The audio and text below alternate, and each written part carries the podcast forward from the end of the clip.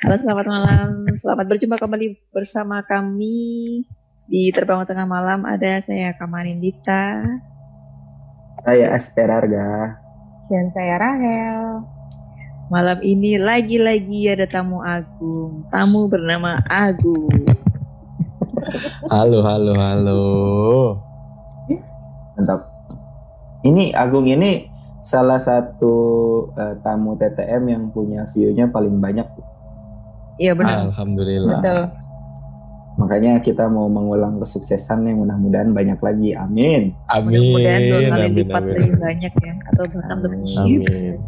Itu kayaknya penariknya karena glowingnya ini. Ada ada Hmm. pancaran sinar dari sini yang menarik para penonton untuk Mm-mm. melihat, wih silau ada apa nih? Susah payah nih udah di amplas pakai amplas seribu nih, Mak. Waduh. Jangan jangan diamplas terus nanti keluar jin.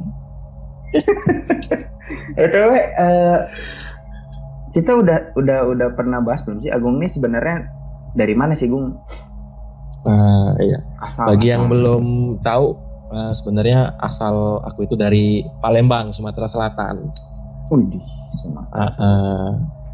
Jauh. Sama kita. Kebetulan tuh. Oh iya, Mbak Rahel juga dari Palembang Oh, loh kita ternyata. Galau. Hmm. Oh gitu gila, Mbak. Aduh, Oh jangan, jangan loh. Apa tuh? Tolong ngerti ya. tolong translate-nya tolong translate. Eh, ah, gimana ya? Eh, kan waktu tempo hari tuh Agung cerita penunggu-penunggu yang ada di rumahnya ya berarti ya. Sekarang di Mm-mm. posisi di rumah Agung. Sekarang posisi di rumah dong. Ini lagi di kamar nih. Kamar cowok yang cucok banget. Pink lah. Mantap ya warnanya ya. Laki banget nih warnanya nih.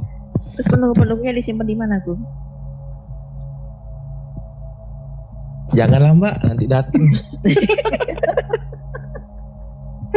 Eh, apa ya?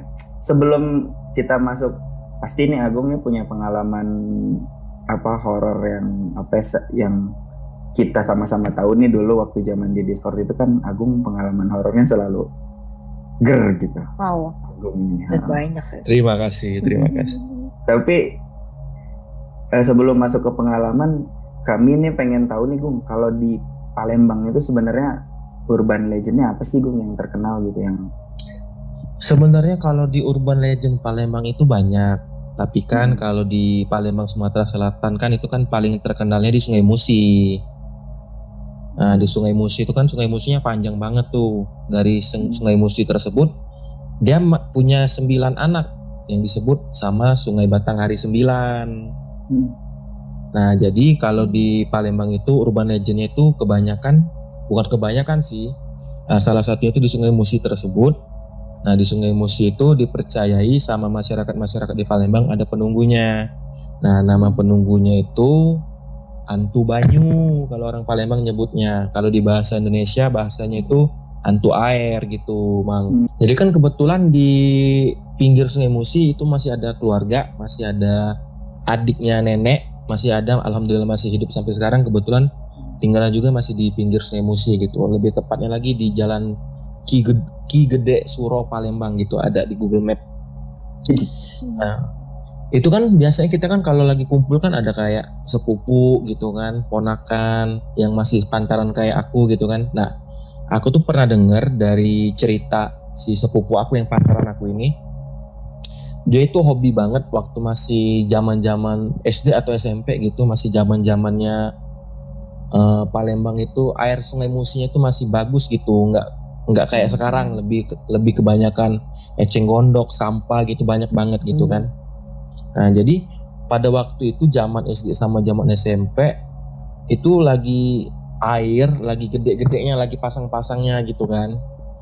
Air lagi gede-gedenya pasang-pasangnya sampai-sampai itu kan kalau orang-orang di pinggir sungai itu kan ada jalan setapak gitu kan, jalan setapak kiri kanannya rumah gitu kan. Nah, di jalan setapak ini airnya itu bisa naik pasang nutupin sampai ke jalannya. Jadi kayak banjir gitu. Hmm. Nah, jadi begitu airnya naik, nutupin jalan setapaknya jadi banjir, itu waktu itu kita orang waktu masih kecil-kecil itu hobi banget. Mandi-mandi di pinggir-pinggir gitu, siram-siraman air gitu-gitu kan. Nah, suatu ketika waktu itu udah mau masuk maghrib, aku tuh masih main air di pinggir. waktu masih main di air di pinggir terus diteriakin sama bahasanya tuh uak ya uak uak akun gitu. Diteriakin sama uak udah naik udah mau maghrib nanti ditarik antu banyu. Dia bilang gitu. Sebagai anak kecil penasaran. Antu banyu itu gimana? Asal usulnya gimana gimana gitu kan. Ya udah naik naik ke rumah bilas ganti baju mandi. Udah rapi nanya ke Uwa. Wah tadi Uwa tadi kan bilang buruan naik nanti ditarik an- antu banyu antu banyu itu apa? Aku bilangin gitu kan. Nah jadi si Uwa ini mulai bercerita dengan semasa-masa kecil atau pernah mengalami ngelihat hantu banyu tersebut kan. Hmm. jadi si Uwa ini bilang hantu banyu itu sosok penunggu Sungai Musi. Nah, sosok penunggu Sungai Musi yang konon katanya banyak versi cerita, tapi orang Palembang itu lebih percaya dua versi ceritanya. Nah, jadi dia tuh banyak versi cerita, tapi orang Palembang cuma percaya ada dua cerita. Nah, yang pertama itu waktu zamannya kerajaan masih zaman kerajaan Sriwijaya. Nah, jadi di- pada waktu zaman ya, eh, di zaman kerajaan Sriwijaya itu Palembang itu dibagi jadi dua sebelum jadi ada jembatan Ampera. Nah, dibagi jadi dua daratan, yang sebelah kanan ini namanya Ulu, yang sebelah sini namanya Ilir. Nah, Ulu sama Ilir. Nah, jadi Palembang dulu pada zaman tersebut mau berhubungan antara Ulu dan Ilir itu ngelewatin eh, naik getek kalau bahasa Palembangnya getek, kalau bahasa Indonesia perahu kecil gitu. Nah, jadi naik getek segala macam transaksi barang atau apa-apa naik getek gitu. Nah, pada suatu ketika Ulu dan Ilir ini masih dipimpin sama kerajaan yang berbeda. Kerajaannya masih kerajaan Sriwijaya, tapi rajanya beda gitu. Hmm. Nah, ngeh ya. Nah, jadi antara Raja Ulu dan Ilir ini pengen silaturahmi. Oke. Jadi pengen ketemu, pengen duduk bareng gitu. Siapa tahu bisa membangun negeri gitu-gitulah pokoknya kan. Begitu disatuin, begitu mereka ketemu, mereka ketemu kebetulan mereka tuh membawa seluruh keluarga lengkapnya masing-masing dari raja tersebut. Kebetulan si raja Ilir ini punya anak cewek. Si ra- si raja Ulu punya anak cowok gitu kan. Nah, jadi nggak tahu kenapa pikiran mereka itu gimana anak kita kita jodohin. Nah, tapi ada tapinya. Si si raja yang punya anak cowok ini itu kayak ada penyakitnya. Di mana si anak raja yang cowok ini dia tuh punya penyakit badannya tuh bau amis. Eh, Badannya bau amis, ampun banget bau amisnya. hmm. Jadi begitu dijodohin karena si mungkin anak cewek ini nggak mau bapaknya kecewa, dia setuju-setuju aja dijodohin. Ya hitung-hitung dia bisa nahan lah beberapa menit atau beberapa detik dari bau amis tersebut. Nah, Hmm. jadi suatu ketika mereka ini udah dijodohin, singkat ceritanya mereka nikah. Nah, dulu di Palembang kalau sudah ada nikah, Hmm. ada acara namanya arak-arakan. Ya diajak keliling kampung gitu-gitulah kan. Hmm. Eh, apa tuh kayak membahagiakan apa tuh membagikan kebahagiaan gitu kan. Nah, tapi waktu itu kebetulannya arak-arakannya di pinggir Sungai Musi. Oke. Nah, jadi arak-arakannya di pinggir Sungai Musi. Terus kan Terus? si cowok si anak si raja yang cowok ini kan baunya amis banget kan. Hmm. Nah, si cewek ini, si ratu eh si ratu, si anak yang raja yang cewek ini dia tuh nggak tahan sama bau amis si cowok tersebut. Hmm. Nah, karena dia nggak tahan sama si bau cowok tersebut, dia tuh kan kebetulan ngaraknya di arak kayak bawa itu loh, Mang. Kayak apa ya? Kayak panggung di- digotong gitu loh. Oke. Hmm. Nah, yang digotong, nah gitu kan. Nah, si cewek ini nggak ketahanan sama bau amis si cowok tersebut. Jadi, dia itu lompat. Hmm. Dia lompat dari gotongan itu ke Sungai Musi. Nah, Si cewek. Iya si cewek, si cewek itu nggak ketahanan sama bau si amis si si ini, Hmm. si cowok ini tadi kan. Dia mungkin dia mungkin dia berpikir daripada gua hidup seumur hidup sama nih cowok bau amis gini mending gua mati. Hmm. Mungkin pada saat itu pikiran seperti itu. Jadi dia mutusin untuk lompat ke Sungai Musi. Nah, jadi begitu dia lompat ke Sungai Musi, mayatnya nggak ditemuin sama sekali. Oh. Nah, jadi warga-warga pada waktu itu sering banget ngelihat penampakan kayak sosok yang menyerupai Tuan Putri yang tadi yang loncat, tapi sosoknya udah berbeda. Hmm. Nah, jadi uh, pada warga-warga tersebut namanya itu namanya Hantu Banyu.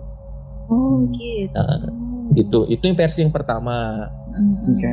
Kalau yang versi kedua, itu versi kedua simple banget. Ada anak cewek doyan doyan banget mandi di pinggir sungai Musi kalau air lagi pasang lagi naik. Hmm. Nah, jadi saking doyannya beliau ini mandi di pinggir sungai Musi, dia tuh tanpa izin lagi sama orang tuanya. Kayak, "Ma, aku izin ya mandi di sungai." gitu loh, kan. Hmm. Nah, tapi si cewek ini dia nggak per- dia tuh nggak izin sama orang tuanya bahwasannya mau mandi ke sungai. Hmm. Terus si cewek ini sudah sering banget nih nggak izin, nggak izin, nggak izin, nggak izin gitu kan. Sampai ketika nih, nih cewek lagi mandi di pinggir sungai, orang tuanya datang. Orang Oke. tuanya datang, mungkin karena kebawaan dia kesel, disumpahin, Mbak. Mang. Nah, karena si orang tua ini udah tahu sama sama kayak berita-berita sebelum tentang hantu banyu itu kan. Hmm. Nah, jadi sama si orang tua itu dalam bahasanya gini ya, dalam bahasa Palembangnya gini, nanti dijelasin pakai bahasa Indonesia. Hmm. Jadi anak kok tidak pernah nurut sama omongan wong tua. Kalau nak mandi itu izin dulu. Ini kalau beberapa kali kau tidak pernah izin lagi kalau nak mandi. Sudah, kau mandilah terus, kau mainlah terus di Sungai Musi itu, jadilah kau jadi hantu banyu. Astaga, astagfirullahaladzim. Serem. Hmm, jadi ya Dan singkat dap- dap- Iya, singkat cerita tuh kayak gitu. Jadi si anak ini lagi mandi, didatengin sama orang tua, orang tuanya udah kesel, ngutuk itu anak jadi antu banyu. Hmm. Itu versi yang kedua. Hmm. Oke. Nah, tapi kebanyakan warga sekitar ini percaya yang versi kedua daripada versi yang pertama. Ya, Lebih percaya cerita yang Versi yang kedua yang dikutuk, Kok aku malah percaya yang yang, pertama yang ya. disumpahin. Tapi warga Karena- Palembang kebanyakan yang percaya yang kedua, Mbak. Oh. Mm-mm. kalau dari timeline sih harusnya yang pertama dulu ya mbak ya. Iya. Iya, harusnya. Karena kan karena kan Udah tadi lama kalau kan? yang Hmm, udah lama terus kalau yang Hmm. kedua kan si hantu Udah tahu bajunya dari udah sebelumnya. tahu. Hmm. Berarti kalau disumpahin beneran itu anak jadi hantu banyu harusnya hantu bajunya ada dua tuh. Harusnya. Yang si putri tadi tahu, siapa tahu nanti anak dia yang mandi kan. itu sudah Oh, kalau- banyak makan korban bahkan eh, kakaknya mamaku itu Hmm. dulu kan suka suka mancing di situ tahun berapa itu tahun mungkin sekitar tahun 60-an 70-an Hmm. suka mancing di Sungai Musi itu dan waktu itu dia kan naik sampan terus dia itu melihat eh, awalnya karena gelap ya gelap ya cari ikan tuh gelap-gelapan malam biasanya Mm-mm, benar. dia pikir itu entah kain atau apa gitu ya jadi di air itu kayak bergerak gini-gini Mm, jadi Betul kan? puseran. Hmm, kayak gitu Hmm. kan terus cuman kadang diam kadang dia begini kadang diam kadang dia begini gitu. Hmm. nah sewaktu dayungnya itu diserokin gini ternyata pas dia angkat itu rambut. Mm-mm. lihat gini rambut. Nah di, lihat gini rambut terus kan dibelit kan dibelit sama dia. Makin naik naik naik ternyata kelihatan mulai dari sini. Nah terus muka. Gini. Ah, Mm-mm. katanya katanya abangnya mama itu ini aku dapat cerita dari mamaku ya Iya. itu matanya kayak kaca jadi sininya tuh putih semua tapi kayak kaca kayak mata kucing kalau di malam hari Hmm. oh bersinar. Mm-mm. Hmm. terus giginya kecil tapi runcing-runcing Mm. Tuhan tuh banyak itu yang ada di Sungai Musi Itu kan yang dari Eh. ceritanya Mbak Rahel kan. Ha-ha, ha-ha. Nah, tapi sebenarnya aku ada cerita lagi yang menurut Yang ini aku cerita ini dapat dari sepupu aku. Nah sepupu aku ini juga bilang dia dapat cerita dari orang lain. Jadi kita orang ini belum pernah ngeliat bentuknya gimana. Jadi kita tuh kayak ngebayangin bentuknya dari cerita orang lain gitu. Nah, jadi menurut sepupu aku yang dapat cerita ini, hantu banyu itu uh, bentuknya itu kayak bajunya kayak persis kayak kuntilanak putih gitu. Tapi dia nggak punya kaki. Dia nggak Oke. punya kaki, tapi dia punya tangan. Tapi ada tapinya lagi nih. Tapi tangannya itu kaki ayam. Eh, Iya kayak gini doang gitu, kaki Gini ya? ayam gitu kan. Heeh, kayak kaki ayam gitu doang. Terus kalau untuk bagian muka ini dari cerita dia ya, bagian Hmm. muka matanya sama kayak yang kata Mbak Rahel dia matanya kayak putih kayak kaca gitu. Dia punya hidung, tapi hidungnya kebalik. eh, Iya. Hidungnya kebalik, hidungnya kebalik. Terus mulut dia, mulut dia tuh bener kayak kata Mbak Rahel kecil tapi runcing banyak gitu loh. Tapi mulutnya tuh Iya. bulat banget. Kayak Hmm. penyedot gitu loh. Oh, Kayak cuman Nah, iya, iya, gitu. Kayak makin kecil Ah. tapi gerigi-gerigi gitu ya. kayak gini. Tapi gigi semua. Nah, kayak gigi semua. Nah, waktu itu pernah banyak itu zaman-zaman tahun 2000 waktu SD itu banyak banget korban, Mbak. Nah, jadi ca- eh, dari warga cara-cara nge kayak apa ya istilahnya itu kayak mencirenin bahwasannya ada hantu banyu atau enggak di situ. Nah, pertama hantu banyu itu paling seneng di pusaran air kata Mbak Rahel tadi. Nah, jadi kan namanya Sungai Musi. Sungai Musi itu kan antara keluar dan masuknya air tawar dan air laut kan. Iya. Nah, jadi begitu air tawar keluar, air laut mau masuk. Jadi airnya tumburan. Oh, Nah, Hmm. begitu air tumburan, ada beberapa tempat itu ada pusaran air sama enggak, enggak ada. Nah, nis, nah orang per- orang Palembang percaya di pusaran air itu itu tempat si Antu Banyu itu main. Main. Nah, Oke. iya, dia main di situ. Terus masalah rambut tadi, bener kata Mbak Rahel. Pernah ada cerita juga kejadian, ada satu san eh, apa sanpan ya, yang bilang ya, perahu Hmm, kecil sampan. itu, mm, sampan, itu pernah ujung kapalnya itu, ujung kapan eh, sam- eh, sampannya itu dililit sama si rambut tersebut, si, lam- Aduh. si rambut, si rambut antu banyu itu. Jadi hantu banyu itu eh, cara dia ngebunuh korbannya antara ngelilit sama dia tuh ada suatu lendir mang. Nah jadi lendirnya itu ditaruhin di pinggir-pinggir kayak ada kayu, kayak ada Hmm. batu, berharap ada orang ke situ kepleset gitu. Iya, iya, iya. Iya. Nah terus rambutnya itu, rambut itu gede. Orang dari cerita orang yang pernah ngeliat rambut itu gede segede kayu gelam. Tahu kayu gelam nggak sih? Buset. nggak tahu. kayu gelam yang sering dipakai di bangunan gitu loh yang bulat ada kayak serabutnya gitu Oh. Iya iya iya. jadi rambut itu gede Iya, keras keras terus kayak ya pokoknya rambut berat berat banget nah makanya itu eh, si rambut itu tuh bisa ngelilit perahu sampai hancur sampai nenggelemin si perahu tersebut nah terus ada korbannya nah jadi gini misal nih korban korban itu kepleset di titik A Hmm. si korban tiga hari ke depan bakal timbul di titik A itu juga. Ya. Jadi si korban nggak bakal nganyut. Jadi di mana Hmm. korban itu diambil sama hantu banyu, Dibalikin korban itu juga bakalan ada di, di tempat yang sama gitu. Hmm. Hmm. Terus di otopsi di otopsi di badan korban itu di ubun-ubunnya, misalkan ada rambut nih, rambutnya botak, Oh. rambutnya botak, terus kayak ada gigi banyak ngelingkar kayak gitu. Jadi kayak Astaga. dia tuh ngejedot kayak disedot loh. gitu ya. nyedot gitu ah. Uh, serem banget dah. Mm-mm, gitu Pasti tahu kan kalau bayi kan ubun-ubunnya ke sini kan tenggorokannya belum nyatu Iya kan. iya iya. iya. Mm-mm, Ya di situ yang di, disedot. mm-mm, benar Bayangin. itu waktu zaman 2000 aku SD 2008 banyak banget kasus itu hantu banyu itu Kok ada yang korban Banyak mestinya. Banyak Banyak. banyak korbannya Banyak. banyak, banget. Banyak banget. Itu bahkan sampai masuk ke eh, berita di koran-koran sih. Banyak banget beritanya kemarin. Hmm, jadi bukan bukan sekedar cerita eh eh, dari mulut ke mulut ada korban ini. Enggak, sampai diberitakan di koran.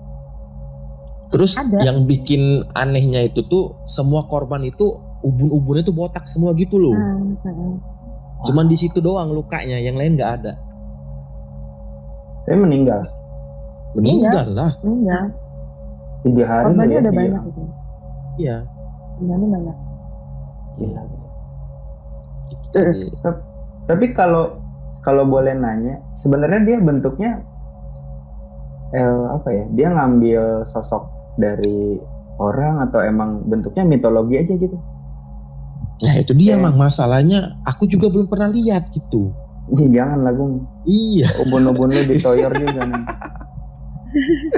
Ya siapa tahu kan kalau ada kesempatan diliatin ya nggak masalah gitu. Nambah wawasan. Diliatin doang ya, liatin doang jangan Iya diliatin doang. Jangan Jangan sampai dikenyot. dikenyot nanti. Jangan. Padahal itu Nah, gitu. ancaman. Biasanya kalau orang-orang Jawa zaman dulu itu buat ancaman loh. Misalkan lagi marah sama orang, oh tak cucep bun-bunanmu gitu. Iya, iya, iya. Iya Ren. benar-benar. Pernah dengar kan? Iya, iya. beneran ada kayak gitu. Serem Iya, banget. Nah, ada iya. Mbak Nis. Kan kebetulan kan aku hobi mancing juga. Kemarin kan aku ngirimin foto sama Mang Pian kan, yang mau mancing di Sungai Musi itu. Itu sepanjang naik perahu itu naik ketek itu banyak banget pusaran air. Jadi aku agak wanti-wanti waktu mancing kemarin. Kurang-kurangin lah Gung. Harus Beli aja, direkam beli. Beli aja ke pasar. Ah iya di pasar banyak. Sensasinya itu loh yang nggak dijual. Iya sih. Tapi men- iya, Iya, menariknya gitu. tuh gitu apa? Kalau dia menyebab apa menyebabkan adanya korban gitu, berarti kan modelan kayak apa ya? Kalau di sini misalnya nggak di sini aja sih, kayak misalnya kolong wewe gitu. Hmm. Itu kan dia eh, ngambil gitu, ada korbannya dan korban itu bersaksi gitu loh. Dia pas Hmm. diambil tuh kayak gimana gitu. Itu kayak gitu juga mungkin ya. Maksudnya gimana gitu? Kalau dia bersaksi kayak nggak sempet deh, Mang. Soalnya Iya, nyawa udah nggak ada. Iya, mau nyawanya yang bedanya itu, bedanya nyawanya udah nggak ada. Karena nggak pernah ada yang selamat ya kalau udah kena ya. Iya, Hmm, udah. iya kan? Karena Iya. begitu ya kalau logika orang cerita itu kalau udah dililit sama rambut itu kan rambutnya berat banget. Mm. Dililit sama rambutnya berat udah tenggelam. Cuman satu aja sih itu eh, kakaknya mamaku tuh. Ya untungnya dia selamat sih, karena Mm. sewaktu dia ngelihat ngelihat udah mulai muka gitu, terus dia pukul pakai dayungnya, dia pukul pakai dayung, terus langsung ini, pak- cuman ada satu dayung itu kan diginiin sama temennya. Dah, Baru ingat satu lagi, Mbak. untungnya dia lolos. Mm-mm. Apa tuh? Waktu aku mancing kemarin, iseng nanya kan. Tapi nggak tahu kenapa kan kita tuh nyewa perahu kan beda-beda orang kan, beda-beda orang gitu kan. Mm-mm. Di setiap perahu punya sapu lidi, positive thinking, buat nyapu. Buat nyapu apa? Positive nggak thinkingnya itu nyapu, nyapu bersihin kapal. Tapi jiwa kepo ini, jiwa kepo ini Meronta-ronta. gitu. Mang, kok nyapu masih pakai sapu lidi? Emang masih zaman? Gitu loh aku nanya gitu kan. Hmm. Oh, ini sapu lidi jaga-jaga. Buat apa, Mang? Ngusir hantu banyu. Dia bilang. Ah, Pakai sapu lidi. Iya, dia bilang eh, temen dia pernah ketemu sama Antu Banyu. Antu Banyu takut sama sapu lidi. Takutnya Oke. gimana? Jadi kayak seolah-olah dia tuh kan sapu lidi kan ada yang lancipnya gitu kan, yang bawahnya itu kan. Hmm. Nah dia tuh takut sama yang lancipnya, bukan takut disebat bukan, tapi takut sama yang lancipnya itu, yang tajam-tajamnya itu. ah, Jadi aku cirenin, aku perhatiin setiap orang perahu yang kita sewa perahu itu semuanya punya sapu lidi semua. Oke. Gitu. Hmm. Jadi kalau ada ada kepercayaan. persoalan kayak gitu langsung sapu lidinya dimasukin gitu ya biar kelihatan dari dalam kalau ada sapu lidi gitu ya. Benar. Heeh. Kirain takutnya sama gunting taman. Iya. Gunting tak. Oh, digunting ya Sakit rambutnya. dipotong. dia Eh, biasa takut di di- burung gitu kan itu bagus Iya, Menarik ya kepercayaan orang Indonesia tuh Hmm. legenda-legendanya gitu. Ikon. kayaknya di Jawa juga hampir. ada ya mbak Didi Di Jawa ada, cuma aku nggak nggak yang dapat cerita dari sumber langsung, jadi nggak berani cerita juga. Cuma dengar-dengar ada yang istilahnya onggoingki gitu, cuma Hmm. kalau pernah kepala dengar doang bukan kayak tiker mbak katanya. Hmm, kalau yang aku aku tanya-tanya tuh eh kepala dengan rambut aja. Nah, terus yang yang di Solo itu yang katanya rambut aja itu, Hmm. yang di sekitaran Bengawan Hmm. Solo itu katanya Nah, Solo ya. mm, itu rambut aja. Makanya karena belum dapat cerita dari sumbernya langsung nggak berani cerita juga sih. Hmm. Barangkali yang nonton tahu boleh komen atau cerita di Iya. sini. Oke. Maksudnya kalau kalau misalnya itu dibuat dibuat oleh manusia lah ya, misalnya nih ada Hmm. manusia yang berbuat seperti itu, masa iya sih dia bisa menempatkan korban dalam tiga hari di tempat yang sama? Kan nggak Hmm. mungkin. Seharusnya kan bisa nganyut karena itu. kan ada Ya. arus kan. Iya. Tapi korbannya ada di di tempat yang sama tiga hari kemudian. Hmm. Hari pertama, kedua itu dicari nggak ada di lokasi yang sama tuh nggak ada kabarnya loh. Tapi Hmm. setelah hari ketiga baru dia muncul. Itu kan aneh. Di tempat yang sama. Hmm. Kita boleh ke cerita yang lain deh. Aku ngebayanginnya agak serem. Hmm, kalau pengalaman lain sebenarnya ada mbak. Tapi ini kayak cerita kayak lagi ada kegiatan gitu. Terus kegiatannya kayak kegiatan pramuka gitu-gitu. Oh. SMP, SMA, Hmm, SD. ini waktu tamat SMA 2017-2018. Oke, gimana ceritanya? Nah, jadi kita itu kan waktu aktif SMP, eh waktu pramuka kan aktifnya waktu SMP. Nah, tapi di SMP tersebut ada tradisi bahwasannya yang ikut pramuka yang sudah tamat jadi alumni harus mengabdi di SMP tersebut balik lagi gitu. Oh. Nah, dalam artian begitu balik lagi ke situ, eh, selama tiga tahun kita ikut pramuka di situ, ilmunya kita bagiin ke yang baru ikut pramuka gitu. Jadi istilahnya kita tuh Hmm. sebagai alumni mengabdi ke situ untuk mengajar pramuka lagi, Hmm. Nah, memberikan ilmu yang sudah kita pelajarkan selama tiga tahun sebelumnya kayak gitu. Hmm. Nah, namanya pramuka kan, pramuka itu kan identik banget sama yang namanya kemah kan. Hmm. Nah, jadi di kita itu punya program kerja namanya Prata. Oke. Nah, Prata itu artinya perkemahan akhir tahun. Hmm. Nah, jadi program kerja ini selalu selalu ada di akhir tahun, perkemahan akhir tahun atau Prata ini. Terus eh, yang namanya kegiatan pramuka itu kan ada namanya kayak kegiatan jurit malamnya juga. Hmm. Tapi levelnya berbeda, tapi levelnya ya selevel level-level anak SMP lah gitu kan. Nah, Jadi setiap perkemahan itu kita adain jurit malam. Di jurit malam itu ada beberapa pos.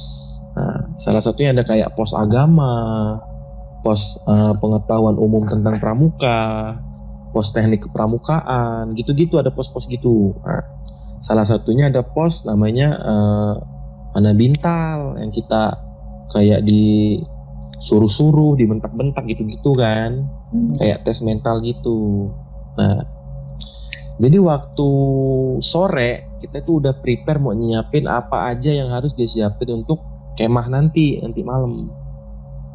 Nah, kebetulan waktu itu aku tanggung jawabnya dapat di pos mana bintal itu tadi yang ngetesin bentak-bentak segala macam.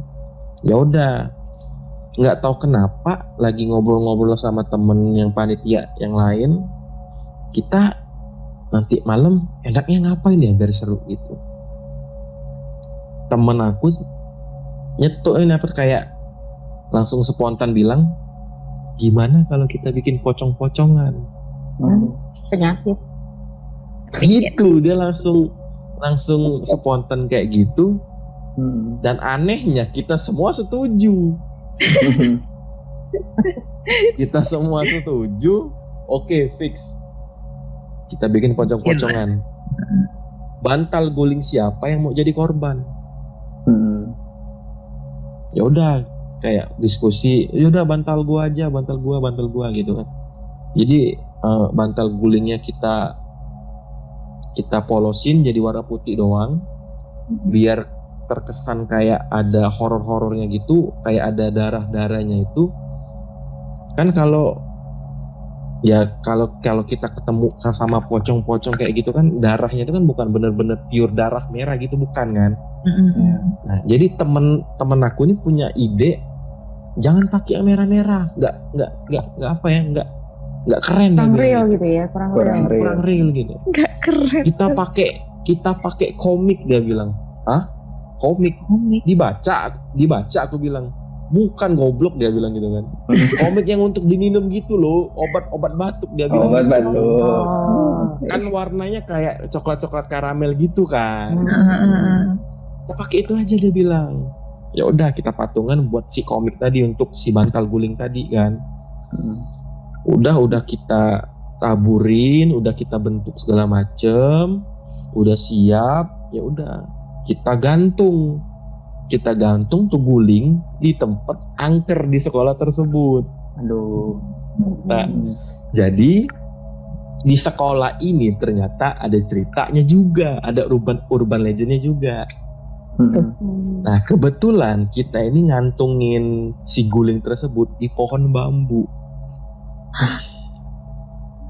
Tapi pohon bambu bukan pohon bambu yang kecil, pohon bambu segede gaban, segede lengan itu kan, Hmm. yang bambu hitam, bambu hitam kan gede kan. ha, ha. Ya. Nah di situ ada pohon bambu yang hitam itu gede banget. Kita gantung tuh guling di situ. Tapi dengar-dengar cerita di situ ada urban legendnya kayak bekas korban mutilasi. Aduh. Oh. Jadi malam-malam sering kayak ada penampakan tangan keluar dari bambu tersebut kayak ngelambai-ngelambai gitu. Tapi bener-bener bener-bener sepotong tangan gitu yang ngelambai-ngelambai gitu. Hmm. Dari cerita penjaga sekolahnya gitu. Ya udahlah, kita kita siapin, udah kita siapin, kita gantung segala macem. Posisinya udah siap, sudah sudah pokoknya udah perfect banget. Singkat cerita kemah. Hmm. kemah, kita bakar api unggun gitu kan.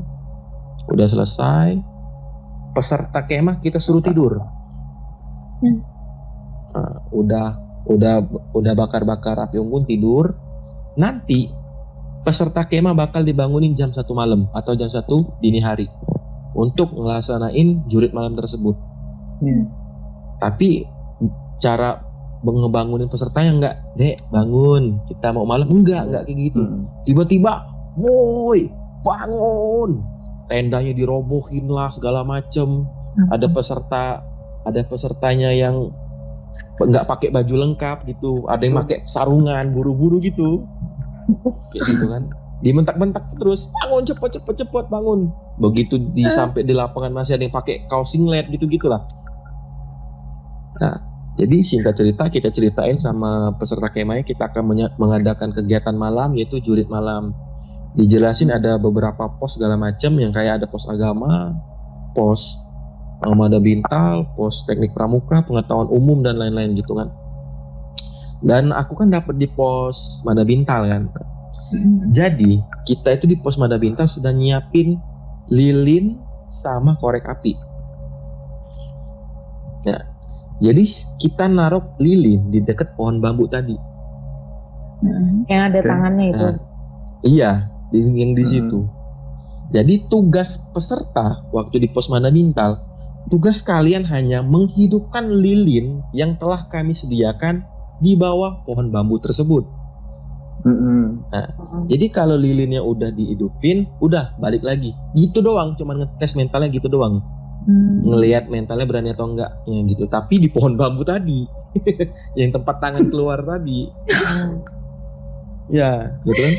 Satu satu satu satu pesertanya ada yang berhasil ngidupin lilin.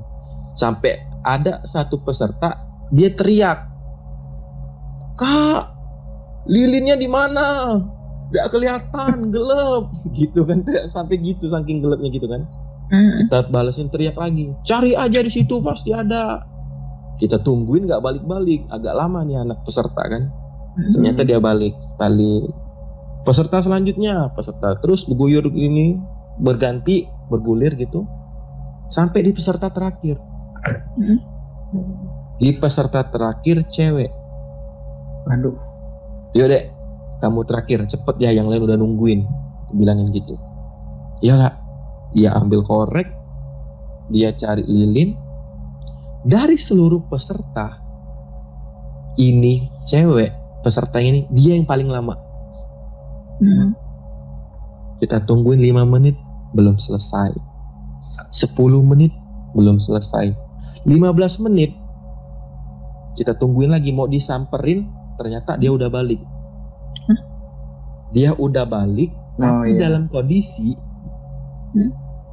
Muka dia pucet, Hmm. Ah, keringet dingin, Hmm. terus bibirnya gemeter. Kayak kedinginan Hmm. gitu. ah. Terus Kita tanyain. Ih, merinding. Sorry. Kita Sama. tanyain. Dek, kenapa? Ada apa? Terus dia bilang cuman jawab "Eng- enggak kak, enggak enggak ada apa-apa. Gitu kan. Udah dia masuk ke barisan. Aku kan sebagai seniornya, pelatihnya penasaran. Nih Ah. anak kenapa? Hmm. Gitu kan Hmm. ya udah aku ambil center aku samperin tuh pohon ambil center Sendirian? iya sendirian Uh. ambil center aku liatin kiri kanan nggak ada apa-apa Hmm. terus aku senterin ke guling tadi Hmm. Aku senterin di guling nggak ada apa-apa juga ya udah aku balik begitu aku balik ke lapangan aku ngerasa ada yang aneh Hmm. kok kunci motor aku nggak ada Ah, Ah, kan aku tuh kebiasaan mbak ya kan kalau kunci motor kan ada kaitannya gitu kan iya, iya, iya. Nah, aku tuh biasa ngaitin ada yang kayak kaitan di celana yang kita Oh, karabiner. ikat pinggang Oh. Nah Oh. jadi aku kaitin di situ begitu Ah. sampai di lapangan kok kuncinya nggak ada? Waduh jangan-jangan jatuh di pohon tadi gitu kan? Ya udahlah. Aku balik lagi mau ngambil si kunci itu. Nyari kunci aku tadi yang jatuh tadi kayaknya jatuh kan? Hmm. aku balik aku cari-cari lumayan lama tuh nggak ketemu-ketemu aku ngerabah ngerabah ngerabah ngerabah begitu ngerabah senter aku mati. Aduh. senter Ah, aku menyebalkan mati. banget ya. ya udah aku ter- aku lanjutin ngerabah lagi di tanah nyari kunci. Ngerabah set. Tanpa penerangan. kayak nge- tanpa penerangan mbak. Gelap banget. memang. Sama sekali. Jadi aku ngeraba ngeraba ngeraba ngeraba tep kepegang kayak besi. Kayaknya ini nih kunci motor. Hmm. aku rabah lagi ternyata bener kunci motor aku jatuh di situ Hmm. kunci motor aku jatuh begitu kuncinya dapet Hmm. senter aku hidup Wih. Asin banget ya. asli begitu Dikerja. kuncinya dapet senternya hidup Hmm. kan keadaan gelap kan nggak kelihatan Ah, aku ngidupin senter ternyata badan aku ngarah ke guling yang aku gantung Bikin sendiri. Astaga. begitu aku bangun Heeh. berdiri ngesenterin guling yang tadi gulingnya jadi dua Apa sih? Ah, Sumpah. kan. Kan. Males gulingnya kan. jadi dua Membelah diri apa ya? di situ bentar nih aku berusaha Mbak Eh, apa aduh. mbak? Mbak apa mbak? Badan kenapa? Enggak dia dianya datang. Hah? Iya. tepat di situ. aduh Silakan Serius, reuni ya. Gung, silakan reuni dengan kawan lamamu. Nggak kelihatan ya. Astagfirullahaladzim. Barangkali ada penonton TTM yang bisa lihat. Begitu aku senterin, loh kok gulingnya jadi dua gitu kan? Hmm. Jangan ke sini ya. Tadi kan cuman satu. Terus terus. Terus kan yang satunya kan kelihatan dibalurin sama kayak komik-komik yang untuk obat minum itu kan. Hmm. Tapi kok yang satunya berbentuk gitu loh. Ada mukanya. Mukanya. Ah ada mukanya. Iya, ada mukanya tapi gelap gitu. Kayak hitam banget. Terus bentuknya itu lebih profesional gitu loh, kayak lebih nyata, lebih real, bukan guling ini. Aduh. Ini bukan guling nih. Kita tadi sore ngegantung guling ini cuma satu, kok jadi dua? Hmm. Dipasat, dipasat, dipasat, dipasat. Ternyata bukan guling. Itu kamu nggak langsung lari.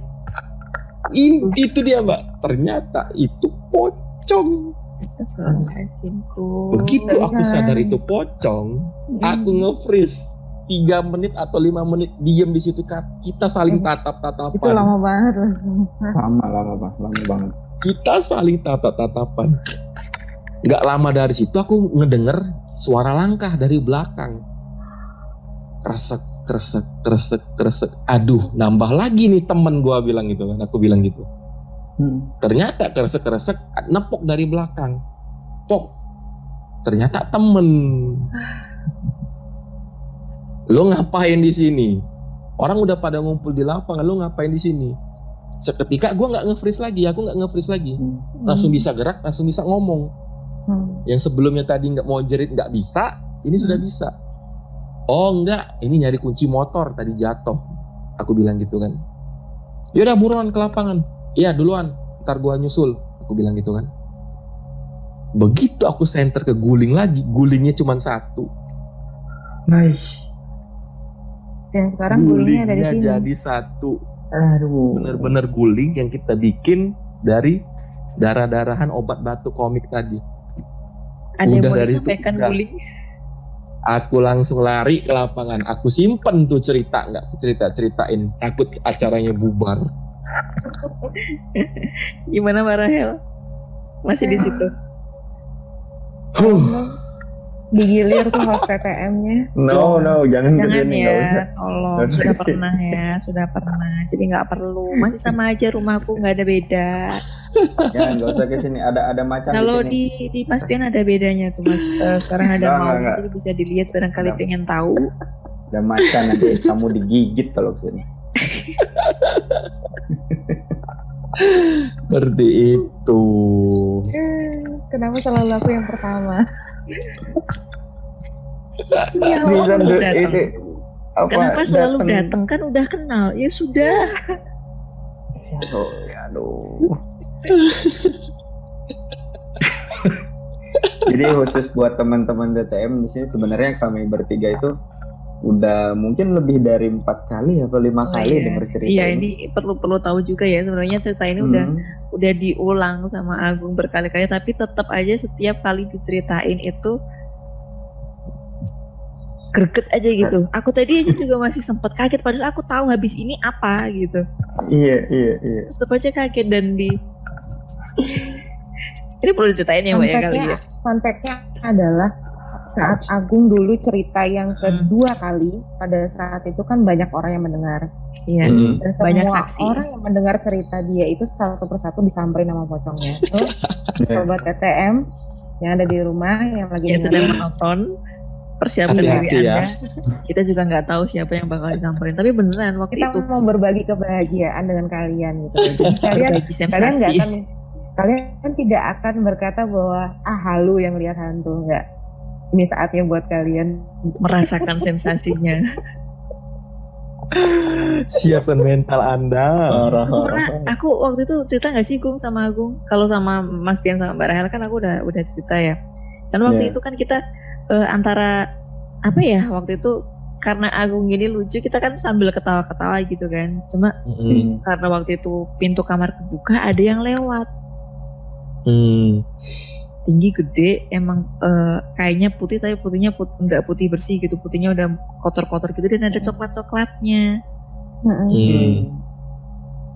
dan ternyata waktu waktu diulang lagi kan pakai komik itu iya ya jadi kayak ada coklat coklatnya gitu dan dia lewat lewat membelakang jadi kan aku di sini pintunya di sini dia lewatnya ke Oh. sana Heeh. eh gitu Sebenarnya bilang hati-hati loh hati-hati loh ini beneran loh gitu samperin loh hati-hati. "Ya, mbak ini tadi apa? Barusan ada yang lewat. Serius? Karena lewatnya nggak cuma sekali bung. Hmm. lewat sekali gitu kan. Aku mikirnya apaan sih? Oh akunya halu gitu kan. Lewat lagi. Jadi mungkin kayak dia aku beneran dateng loh mungkin begitu kali ya aku nggak ngerti juga. Dan setelah Mbak aku Dit seharusnya Mbak Dita tuh bersyukur Mbak Dit dia hanya lewat. Aku duduk di sofa. Hai. Dan pada saat aku pertama kali dengar ceritanya Agung dia tuh duduk di sofa. Di sofa ini aku Aduh. ada di pojok kiri, dia ada di pojok kanan. Dia duduk sambil begini. Ah, Mas Pian nggak disamperin ya waktu itu ya kayaknya saatnya deh Mas gantian gitu Tapi Biar walaupun bisa nggak disamperin, tapi walaupun nggak disamperin, ingat nggak kita kan heboh nggak pada bisa tidur nyenyak segala macem kan waktu itu. mhm. iya waktu itu Yang sampai teriak-teriak ya. si Yang ada yang itu ya teriak-teriak juga Zua, waktu itu. Zua, Zua, si Zu kan ya yang yang teriak Zue ya. Atau Abi sih lupa. Abi, Abi kalau nggak salah. Azi Abi. itu sempet Abi Hmm. oh iya Abi juga Abi. Iya, yang teriak-teriak kemarin itu ya. sempat sempat pada heboh katanya di luar ada suara lah ada apalah gitu Mm. tapi nggak ada wujud sih maksudnya mereka nggak lihat Yang wujud. herannya gini, Mbak Lisa itu kan kita kan kumpul cerita-cerita kan malam. Mbak Lisa siangnya Mm-mm. disamperin duluan. ada Mbak Lisa Iya, bener. belakang. Oh, Tapi dia mau Iya, iya, masuk iya. nggak boleh katanya kan nggak bisa kan. Mm. oh iya ceritain Hmm. bareng ya ceritain ulang seru tuh ini cerita Jadi, dari Mbak Lisa ah. cuma Mbak Lisanya nggak ikut ya waktu Hmm. itu ya waktu malam itu hmm. Mbak Lisa malamnya ikut. Makanya Oh, dia ikut. kaget. Oh, dia bilang ini, oh ternyata pocong yang bentuknya begini-begini dia sebutkan ciri-cirinya Mm-mm. yang itu berdiri ah, gila sumpah merinding.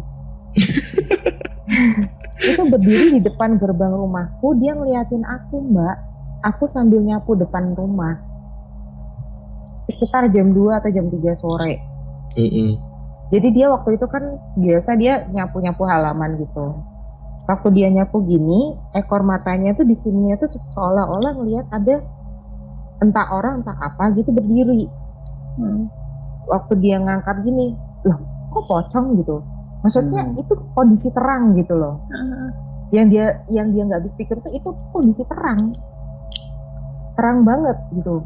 Makanya dia dia inget banget tuh mukanya hitam dan lain sebagainya gitu kan. Itu kan mbak kainnya tuh kayak kain goni kan kata dia gitu. Iya iya itu kain mori namanya bukan kain goni aku bilang gitu. Itu mori Hmm. mbak. Iya iya iya pokoknya bukan kain katun yang halus kan kainnya agak kasar kan. Sedetil itu dia ngeliat loh mbak Lisa. Mm. karena dekat pertama dekat yang kedua terang kondisi terang tuh tapi tapi dia nggak bisa masuk kan mbak? Dia nggak bisa masuk kan gitu. Dia udah parno sendiri. Nah, mm-mm. pas malamnya itu si Agung cerita lah tentang ini. Cerita kage bunsin ini kan. Mm. tuh pocong yang membelah diri itu. Nah itu makanya dia langsung gak mungkin. Langsung dia kayak gitu. Langsung heboh. iya langsung heboh gitu. Karena waktu aku ceri Agung cerita dan dia konfirmasi eh, sosoknya seperti apa itu bener banget itulah si sosok itu Jadi sampai sekarang aku sampai sekarang sih aku masih penasaran ya sebenarnya ada cerita apa sih di balik itu kenapa dia selalu datang ketika cerita ini diceritakan ulang Ya, sih benar. Hmm. Penasaran. Nah, Gak Padahal tahu, kalau- gak tahu. kalau kita ceritain yang lain itu kan biasa aja gitu. Ya serem-serem tapi ada cuma yang saat itu. ah, iya. Tapi ini enggak dia selalu ada selalu no. Jangan sih kalau di sini jangan kali ini karena aku lagi sendiri. Tapi setiap kali diceritain pasti ada cerita yang lain maksudnya eh iya aku disamperin gitu pasti ada. Kenapa? Hmm. satu sisi eh, sepertinya sih dia memang sosok yang suka mbak Dit untuk dibicarakan orang gitu. Oh narsis dia. Ah, Mm. Itu sih. Sisi lain juga energinya cukup kuat sih kalau aku rasa. Karena dia dia di Sumatera dia bisa main-main di beberapa tempat dalam waktu yang hampir bersamaan sekian Iya sekian benar. detik sepersekian detik dia bisa ke Bogor dia bisa ke Mbak Lisa di mana sih Jak- Jakarta Bekasi ya. Hmm. Be- Beka- Bekasi kalau nggak salah Bekasi Salatiga terus ke mana lagi Si Zu ada di luar Jawa juga kan? Si Zu di mana ya dia? hmm. Ri- Riau ya bukan Verani itu Riau kan Iya kayaknya. kalau sekian detik dia bisa berpindah-pindah tempat gitu loh Mas Pian nih yang belum. Oh iri deh. Perlu mah banget. penjaganya Jangan. kuat ya Jangan. Jangan dong. kuat Tapi sampai sekarang nggak pernah didatengin lagi kan, Bung? Iya, gimana ya kalau dibilangin gitu? Aku kalau kayak dibilangin itu ya, kalau misalnya dia ada juga aku cuekin, Tapi Hmm. pas bodoh amat kan, udah. kamu kan ceritain ini kan udah sering banget kan ya. Nah pas ceritain Hmm. ini tuh apa nggak nggak ada yang lewat kah atau ada gimana gimana gitu? Nggak nggak pernah. Nggak ada, nggak ada. Tapi Udah. fun fact juga tuh yang apa? Cerita Agung pertama kali, pertama kali banget di Discord rekamannya hilang. Ah, Iya benar. Hmm, Makanya itu ceritanya diulang-ulang karena rekamannya nggak Iya. pernah jadi. Rekamannya hilang terus, benar. hilang terus. Hmm. Semoga ini gitu. kali baru berhasil ya keempat Ya, kali Iya. empat kali. Tapi yang pertama itu aku nggak didatengin. Cuman tiba-tiba pas Agung bilang gitu bau busuk itu doang. Tapi nggak Oh. didatengin. Nggak bisa nembus batu Busuk, Mau. nggak mandi dia, busuk deh. Gak mau. Nggak mau, aing mau, aing mau. Aing mau. Yang aku inget tuh sebenarnya badannya nggak Bang Pian aku nggak makan terlalu di merat seluak. Hmm. kayaknya sih memang agak bungkuk gini ya mbak gitu Mm, nah iya itu aduh agak bungkuk. Agak bungkuk. Udahlah ya. Balik balik Kita sudah balik. tahu balik. sana pulang pulang pulang. pulang.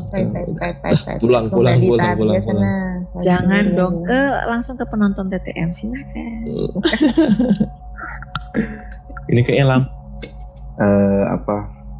Wahana penyimpan cerita secara live. TTM juga pengen nyimpan cerita ini. Mudah-mudahan nggak datang ke kalian. Janganlah, jangan datang ke penonton kasihan nanti Harus datang dong. videonya. Jangan. Harus datang. Nanti Biar ada sensasinya Yang- sekali-sekali. Yang didatengin harus like ya.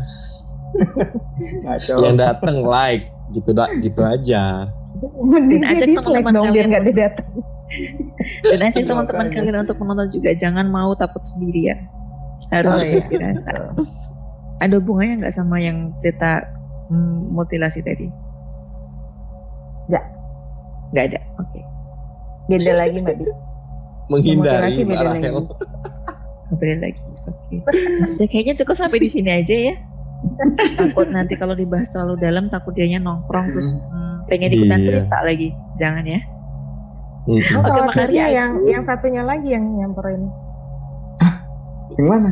Yang yang yang, yang mutilasi. potong tangan Oh, gitu. Oh,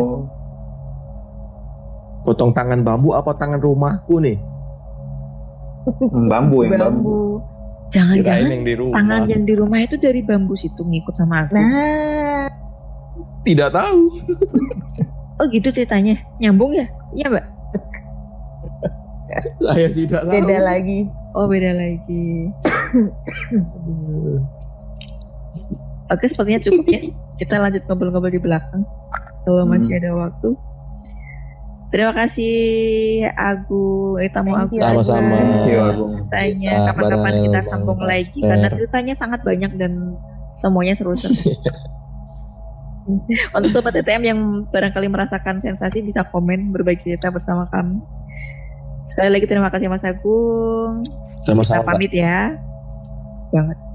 Oke, segitu dulu dari kami. Kita sambung lain waktu eh, dengan saya Kamani Dita. Saya Asperarga. dan saya Rahel Terbangun tengah Dan malam. saya Agung. Saya Agung. Terbangun Nah. tengah malam. Mari bercerita. mari kita bahas bersama. Sampai Ya. jumpa.